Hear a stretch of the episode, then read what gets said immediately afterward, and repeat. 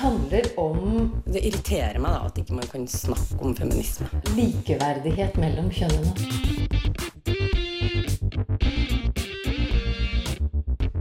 Det blikket på kvinnen på film. handlet det om å bli tatt på alvor som jente. Du hører på Et eget rom på Radio Nova. Beyoncé, Miley Cyrus, The Kardashians, Taylor Swift, Lina Dunham, Jennifer Lawrence, Emma Watson. Dette er bare noen av popfeminismens mange ansikter. Men er det bare positivt? Vi får besøk av Elise Dybygg, som har stilt seg litt kritisk til med popfeminisme. Og som alle andre så skal vi selvfølgelig snakke om skam.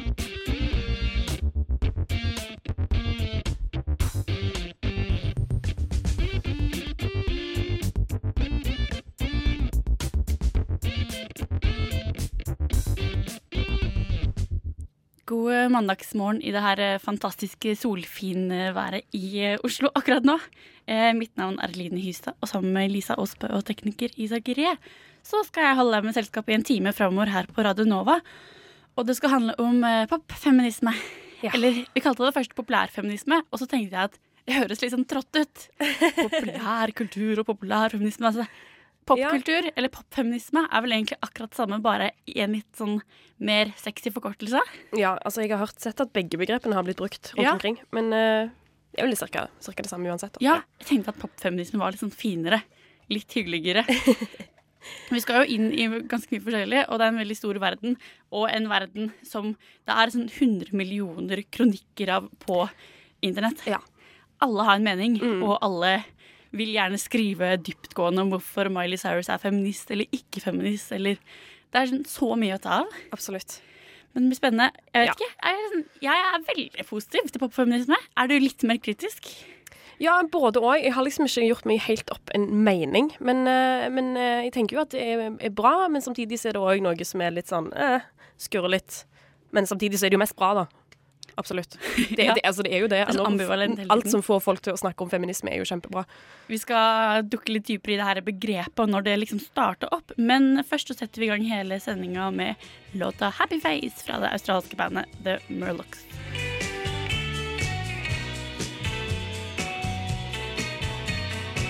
feminist, a person who believes in the social, political, and economic equality of the sexes. Eget rom. Et eget rom. Eget rom. Et eget rom. Et eget rom. Det var ikke helt tilfeldig at du hørte en liten Beyoncé-jingle der, for vi snakker om eh, popfeminisme i dag, Lisa og Eline. Og når jeg begynte å google, så fant jeg ganske fort ut, tror jeg, at popfeminisme liksom starta i 2014. Ja, Det var Det da er- alle begynte å snakke om det. Ja, det er gullåret her. Ja. Og før det så virker det egentlig som det vært ganske dødt. Ja, da var det jo typisk den der at en feminist er en veldig stor Eller veldig skummel person. Eller ikke skummel person, men de, de, de fordommene, da, om at feministord var et eh, ikke bra ord. Ja Fordi at Noe av det som jeg tror satte det liksom i gang, var at Beyoncé skrev et essay i Shriver Report som heter 'Gender Equality is a Myth'. Ja.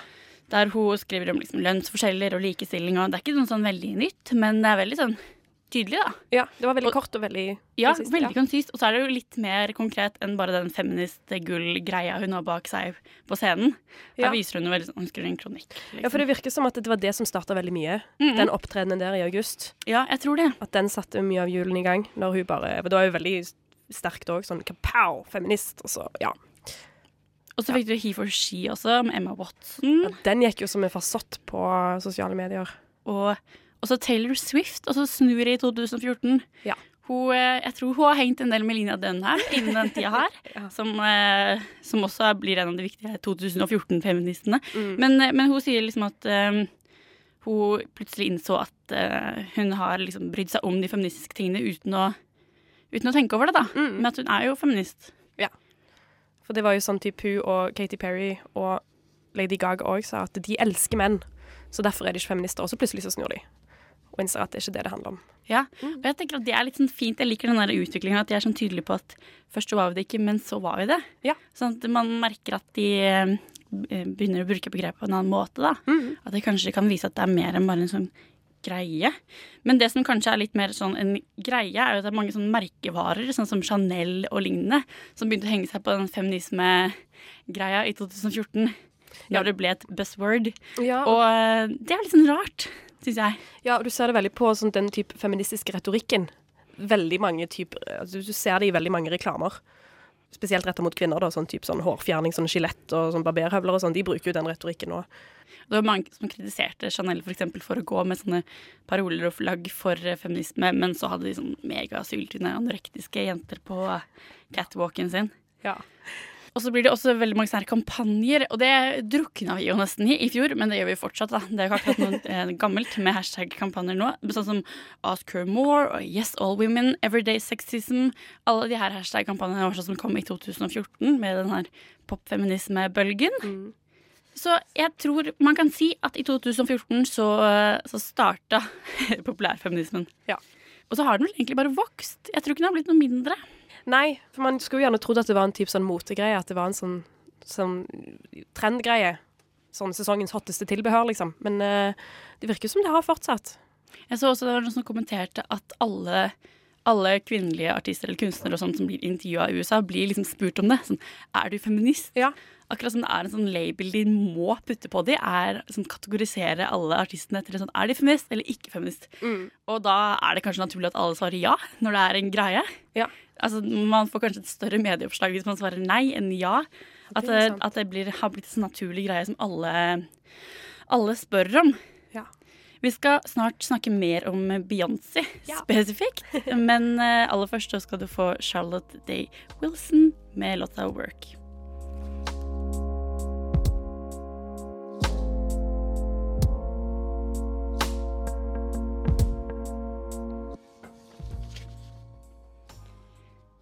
Beyoncé er jo en av de som er mest eh, innflytelsesrike artistene vi har i dag. Og i de siste årene så har det vært heftig debattert om hun kan kalle seg feminist eller ikke, for det blir det jo alltid på internett. Og Anne Marie har sett nærmere på den saken. Miss Third Ward, your first question. What is your aspiration in life? Oh, my aspiration in life would be to be happy. Året er 2014. Den eneste lyden man hører på scenen, er en stemme som forklarer hva feminisme er. Lyset kommer på, og der står selveste dronninga med ordet feminisme bak seg. En revolusjon innen populærfeminismen er starta for fullt.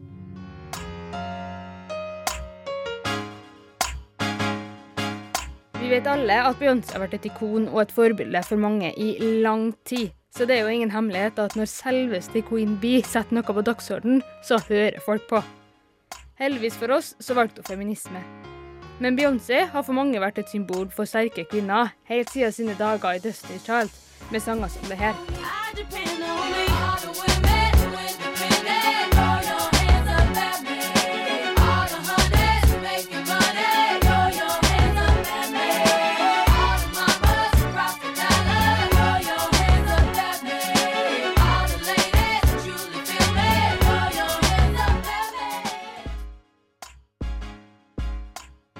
Er det jo sånn at Beyoncé også har blitt kritisert for å bruke ordet feminisme.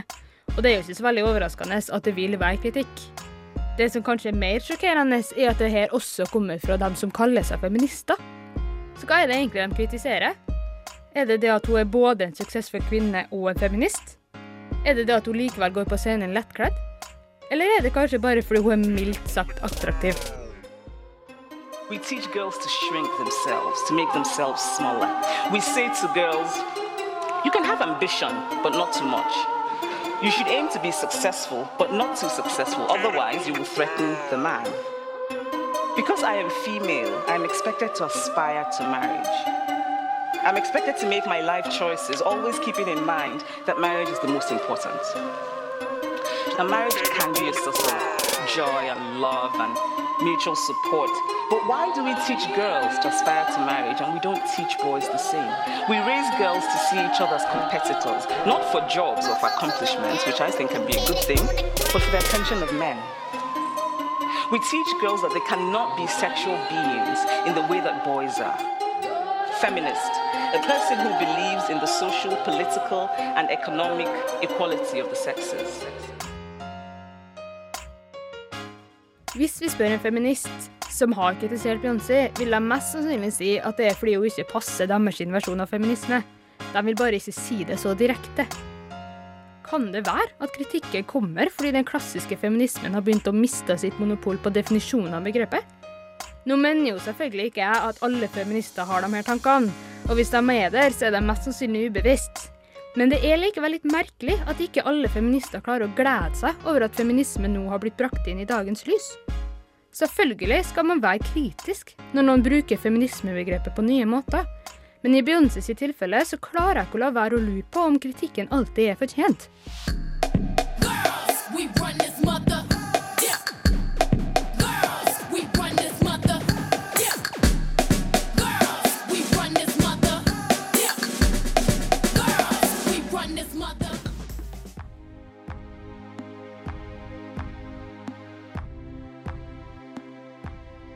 Det er dem som har uttalt at Beyoncé sin feminisme er en utvanna, lett fordøyelig versjon. Og det kan hende at de til en viss grad har rett. Men jeg vil likevel si at Beyoncé har styrka feminismen. Ikke bare fordi hun har gjort det stuereint å kalle seg feminist, men fordi hun har åpna en dialog.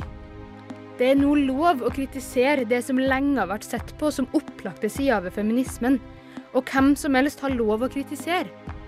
Så kjære Beyoncé. Takk for at du har brakt feminismen til nye sider av folket. Det trenger vi.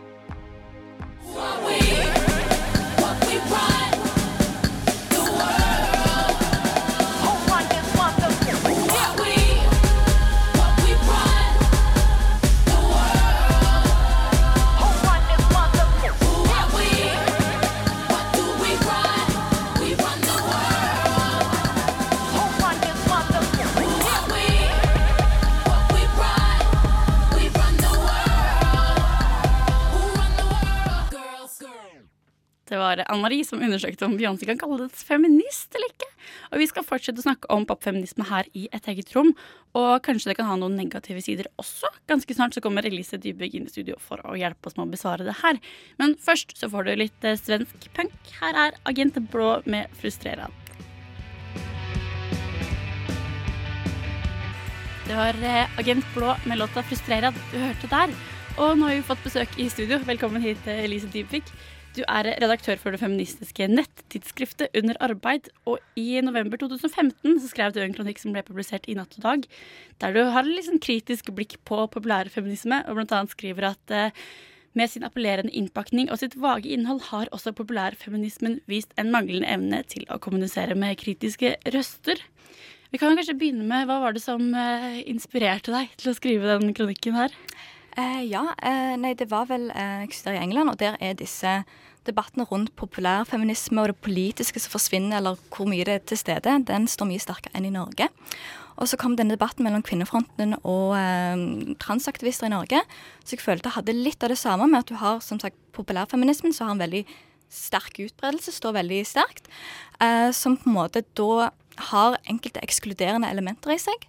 Og så når kanskje mer marginaliserte grupper prøver å ta til orde og uh, f.eks. problematiske framstillinger av de da i mediene, så, så blir ikke det hardt nødvendigvis i populærfeminismen.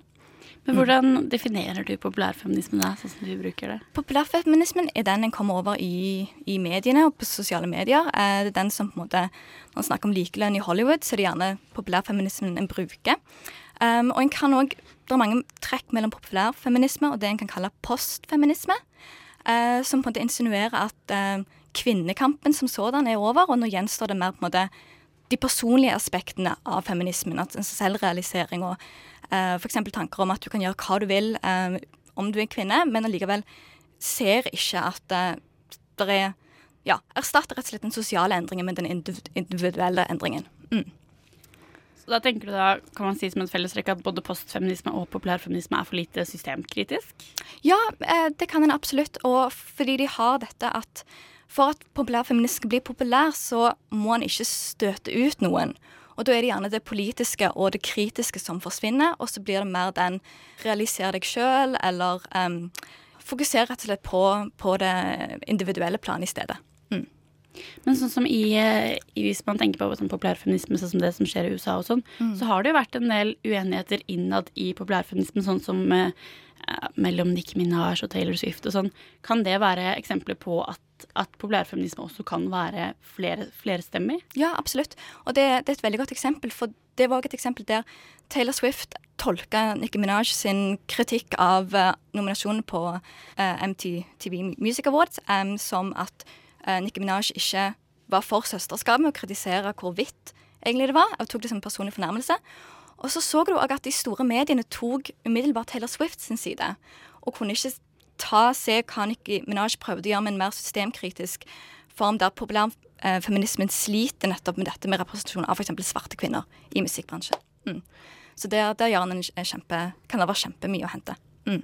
Du skriver litt om sånn hvit middelklassefeminisme. Mm. Så jeg bare lurer litt på egentlig hva, hva det er. Hva er liksom definisjonen på det? At er det sånn at populærfeminismen er hvit middelklassefeminisme? På sett og vis der er deler av den så er det at en kan si at eh, populærfeminismen er for de som allerede er privilegerte. Eh, som på en måte det er de som passer mest inn. Eh, et annet eksempel er når den suffragettefilmen hadde premiere, så var det mange som reagerte på at um, eh, castet stilte opp i hvite T-skjorter der det sto 'Better Rebel than a Slave'. Hvite, hvite skuespillere, eh, som igjen følte veldig ekskluderende for svarte kvinner, f.eks. Sånn at det har dette elementet i seg at har du det greit, så er det en veldig appellerende type feminisme, men som på en måte ser ikke ting sånn som f.eks. seksualitet eller eh, etnisitet og sånne ting, og de òg spiller inn i, i den du er, og den du blir behandla som i samfunnet. Forstår jeg deg rett da som at du tenker at uh, kommersielle krefter og medier og sånt er med på å drive uh, fram en sånn feminisme som blir ekskluderende? Som velger å uh, snakke om ting som kan være ekskluderende? Ja, jeg tror absolutt det. fordi at det er, Når en skal gjøre det veldig veldig generelt, så går gjerne det på bekostning av de mer spesifikke elementene i samfunnet som, som ekskluderer. Og da er det spesielt dette med, med de litt mer problematiske sidene som ikke er like kjekke å snakke om, som f.eks. at det, du skal være deg sjøl.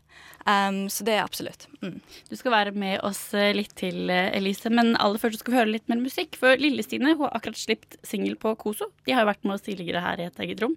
Et kvinnelig artistkollektiv her fra Oslo. Og her får det Alle vet, heter den.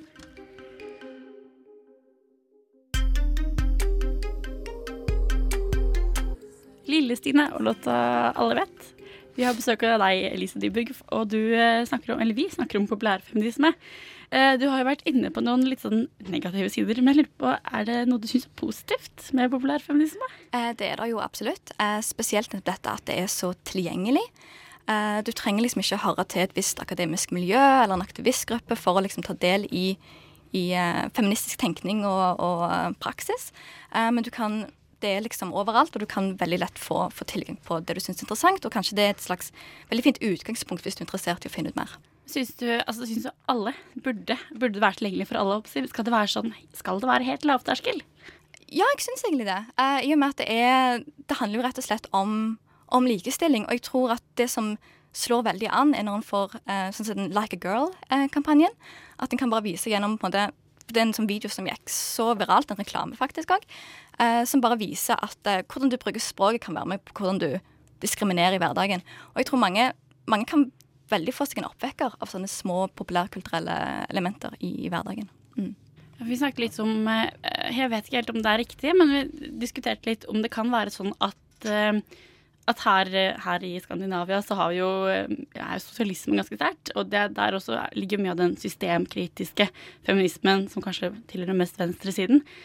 Eh, Er den, er den like stor i USA sånn generelt? Altså, kan, kan noe av grunnen til at den her store populærfeminismen ikke er så systemkritisk, ligge i at det ikke er så mye av det i USA? Det er et veldig godt poeng, og det tror jeg. For mange har kommentert hvordan den populærfeminismen som vi har nå, den slår seg veldig lett sammen med nyliberalisme og kapitalisme. Der det er nettopp dette med En selger nesten et produkt, et frigjøringsprodukt, eh, som går på at kjøper du dette produktet, eller laster ned den sangen, så blir du med på en slags sånn frigjøringsbølge. Um, mens eh, systemet består, rett og slett. Sånn at en, en har liksom hva skal vi si, Kommersielle aktører har veldig lett funnet ut at denne retorikken som dere har snakket om, at det er veldig lett å tro at bare så du er sterk og står på, så, så kan du være den du vil. Eh, men det er ikke nødvendigvis så lett. Så, så absolutt, godt poeng. Mm. Sånn, ja, da blir det litt for mye sånn her klikke og likes-kampanjer og Yes. uh, yes, we girl power og sånne ting. Mm. Så hvis du klikker på denne, så, så skjer det ting. Men det gjør ikke nødvendigvis det, liksom. Ja. Jo, så du får en slags illusjon av medvirkning, da, eh, som kanskje ikke er så, så veldig reell. Mm. Men hvordan tenker du at man kan forholde seg til populærfeminisme? da? Skal man, skal man kritisere og poengtere eller peke på de som kaller seg feminist, eller? Nei, jeg synes det nettopp med populærfeminisme så er det blitt så mye lettere for folk å si at de er feminist. Det er, jeg tror det er lenge siden jeg har kommet over noen som sier nei, jeg er ikke feminist, men jeg tror på likestilling, f.eks. For, eksempel. for nå er det liksom helt selvklart at hvis du tror på likestilling, så er du feminist. Eh, Så det har han vært helt fantastiske. Sånn at jeg tror bare med å se hva han gjør positivt, men òg være veldig bevisst på hvem er det som ikke nødvendigvis får bli med på denne populærfeminismen, og være litt bevisst på det heller. Så kan en veldig fint liksom bruke den til det den kan være nyttig til. Mm. Så man skal være flinke til å kritisere populærfeminisme, med andre ord? Ja. Sånn innimellom. Prøve å få den til å ta, ta til seg noe kritikk? Yes, Mm. det syns jeg. Men så, hva tenker du egentlig om populærfeminismen i Norge sånn her til slutt? Er, har vi det? Ville, ja, jeg ville si med skam så fikk jeg muligens eh, litt opp nivået på, på, på populærfeminismen og eh, i debatt generelt. Eh, men det har ikke vært så veldig mye av det, nei. Så har vel med at en har ikke hatt den eh, hva skal jeg si, um, slags kulturelle bølgen av feminisme og, eh, og likestillingsperspektiv. At det har, det har vært mer noe som tilhører debattforaene og eh, bestemte kvinnegrupper. Mm. Mm. Så da kan man kanskje se for seg at det vi bør gjøre med populærfeminisme, er å være flinke til å kritisere den og holde den litt sånn i sjakk, men at det generelt er bra. Ja, det er. Tusen takk for at du kom med Lise Dybvik. Jo, veldig kjekt. Vi skal snart faktisk snakke om skam, sånn som du var inne på, men eh, aller først så skal du få Spears med Because.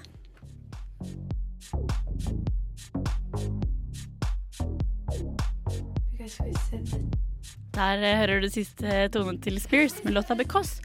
Og det er ikke helt tilfeldig, det heller. Fordi at utenom å ha vært A-lista her på Radio Nova, så var den låta også med i fredagens episode av Skam. Det her eh, fantastiske NRK-programmet som alle elsker, selv om det er retta mot eh, 15-åringer. Lisa, har du sett på Skam? ja, jeg har sett alt. Følger fortsatt med. Tekniker, sjekke siden hver dag. ja, tekniker Isak har også gjort det. Vi ble stressa når vi ikke hadde sett den aller nyeste. Så hvis, eh, hvis vi ikke helt oppdatert, så er det derfor. Men jeg så gårsdagens og hele den lange på fredag. Jeg tenkte at bare sånn For å sette litt sånn Skam-stemning, så kan vi høre litt eh, klipp fra Skam. Jeg veit hva brun og blid er. Vi skal ikke være sponsa av dem, nei. Hvorfor det? Fordi de bidrar til den mest spekulative og sexistiske markedsføringen i Norge. Har du sett reklamen hennes, liksom? Eh, det er solariumskjede, så det er litt vanskelig å reklamere for den uten å vise kropper som er brune og blide.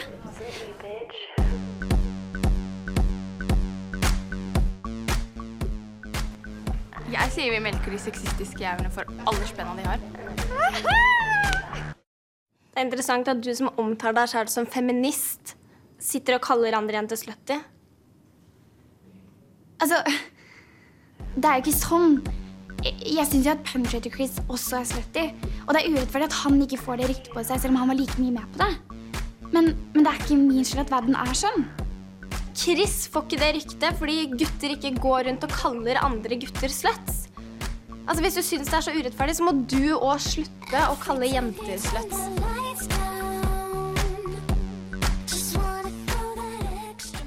Elise Dybøk som nettopp var her, sa jo at hun kanskje tenkte at det her kunne være noen sånn norsk variant av populærfeminisme. Ja. Og det er i hvert fall feminisme. Ganske eksplisitt, syns jeg. Ja, det synes jeg også. Diskuterer liksom ganske sentrale temaer og hvordan man bør være med gutter og jenter i mål mellom seg og sånne ting.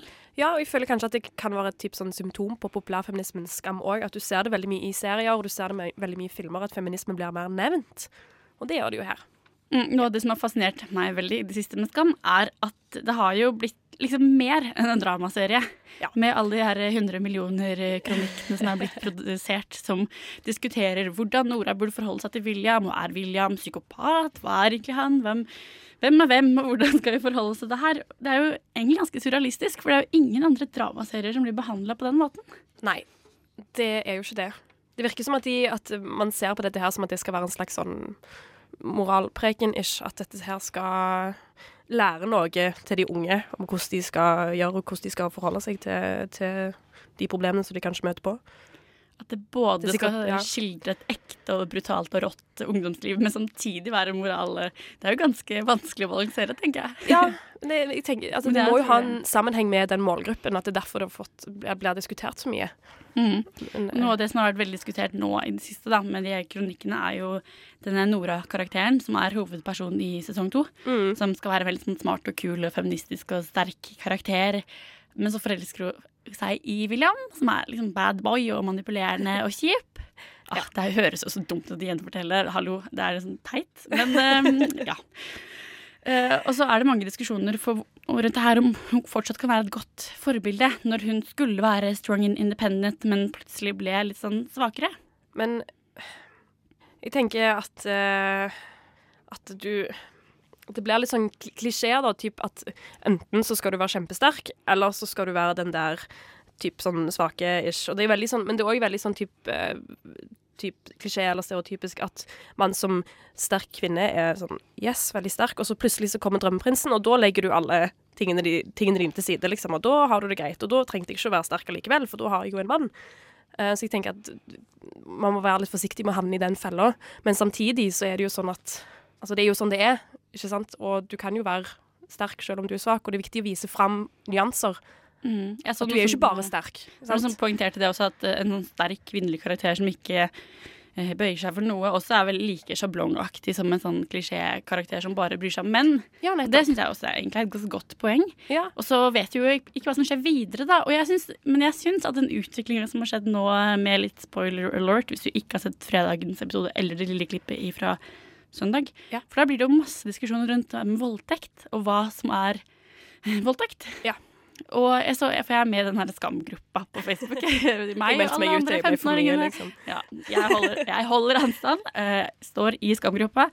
Og der også um, ble jeg fascinert over at det kom sånne lange poster med diskusjon om hva som var voldtekt og ikke. Og det tenker jeg at hvis, um, hvis man får uh, 15-16-17 år gamle jenter til å skikkelig tenke seg om, liksom Oi, hva var det som skjedde? Nå ble hun faktisk voldtatt. Ja, noen hadde sex Ja, gutter også. Noen hadde sex med henne uten at hun ville det. Det er jo en kjempebra ting, da. Absolutt. At eh, selv om Nora ikke nødvendigvis alltid er perfekt og liksom et forbilde man skal herme etter, så setter hun i gang diskusjoner. Ja. Og det har jo vært så mange diskusjoner som har vært eh, satt i gang av det. Ja, jeg tenker at det er viktig at du ikke er perfekt òg. Det er veldig viktig. Mm. Vi må forte oss å se neste klipp, tror jeg. Vi må bare forte oss å bare være oppdatert på Skam. I mellomtiden så skal du få Anna Anna og Swimmers Body Illusion. Oh, yeah, my, my point. Feminism is not about being better than men. Is it? Et eget rom prøver å finne ut hvor mye feminisme egentlig kan være.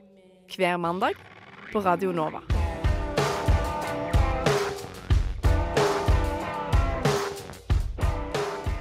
Vi snakker om pappfeminisme her i et eget rom i dag. Og jeg merker at jeg har en tendens til å være litt sånn De jeg liker, de godkjenner jeg at jeg er feminist. De jeg ikke syns er så kule, da blir jeg litt sånn Kan jo bare drite i å bruke det begrepet. Eh, noe som er veldig hyklerisk av meg.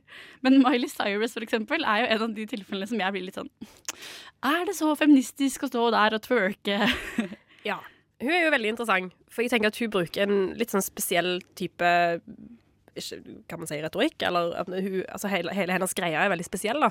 Jeg tenker at det som kanskje gjør det For jeg òg var veldig sånn Jeg tenkte sånn der ja, feminist når hun står der nesten naken og twerker inn i skrittet til Robin Thicke, liksom. Og, og, og så, men så tenker jeg liksom litt mer over det. Og så Hun er så sykt vulgær, og hun er så sykt sånn Ja, det er den nye glit glittervideoen holdt på å si, når hun bare spiser sånn mye glitter og sp- spytter det ut ish og sånn. Ja, ikke sant? At det er sånn der at, at uh, Istedenfor at det er på en måte veldig seksualiserende, som det samtidig kanskje er, men så blir det òg veldig sånn for vulgært, og folk blir litt sånn der «Åh», Som gjør at du viser kanskje fram kroppen på en litt annen måte.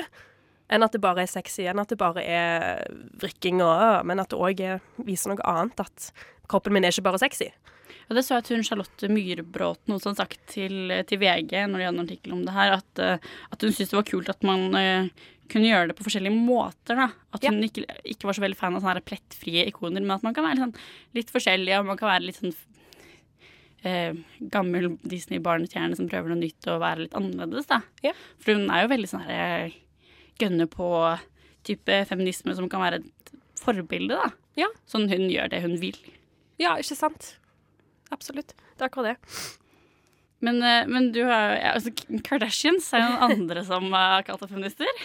Ja, eller- Edda, hva, Jeg vet ikke helt om de har kalt seg for feminister. okay, uh, men jeg vet at Kylie Jenner har gjort det. Mm. Med at du sa et eller annet sånn der 'Jeg er feminist, jeg klarer å stå på egne bein, de trenger ikke pengene fra mamma'.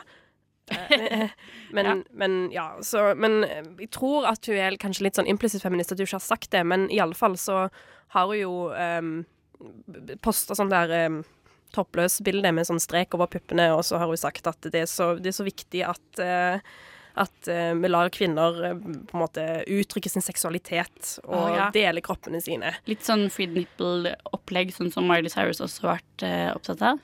Ja, bare at her er det veldig mye kritikk mot at dette her er egentlig markedsføring.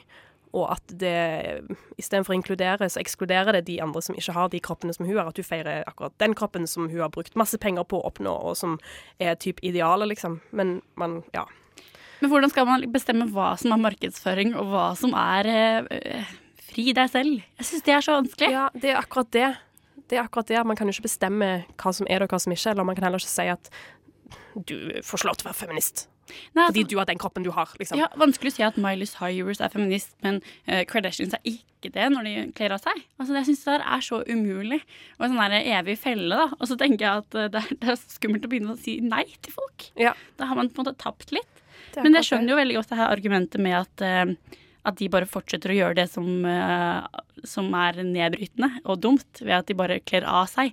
Det er jo det vi på en måte ikke vil. Men så vil vi vel ikke at ingen skal kle av seg? Nei. Ah, Det er helt umulig. Jeg må, jeg må tenke litt over det her. I mellomtida så skal vi høre Sophie Tucker og Matador.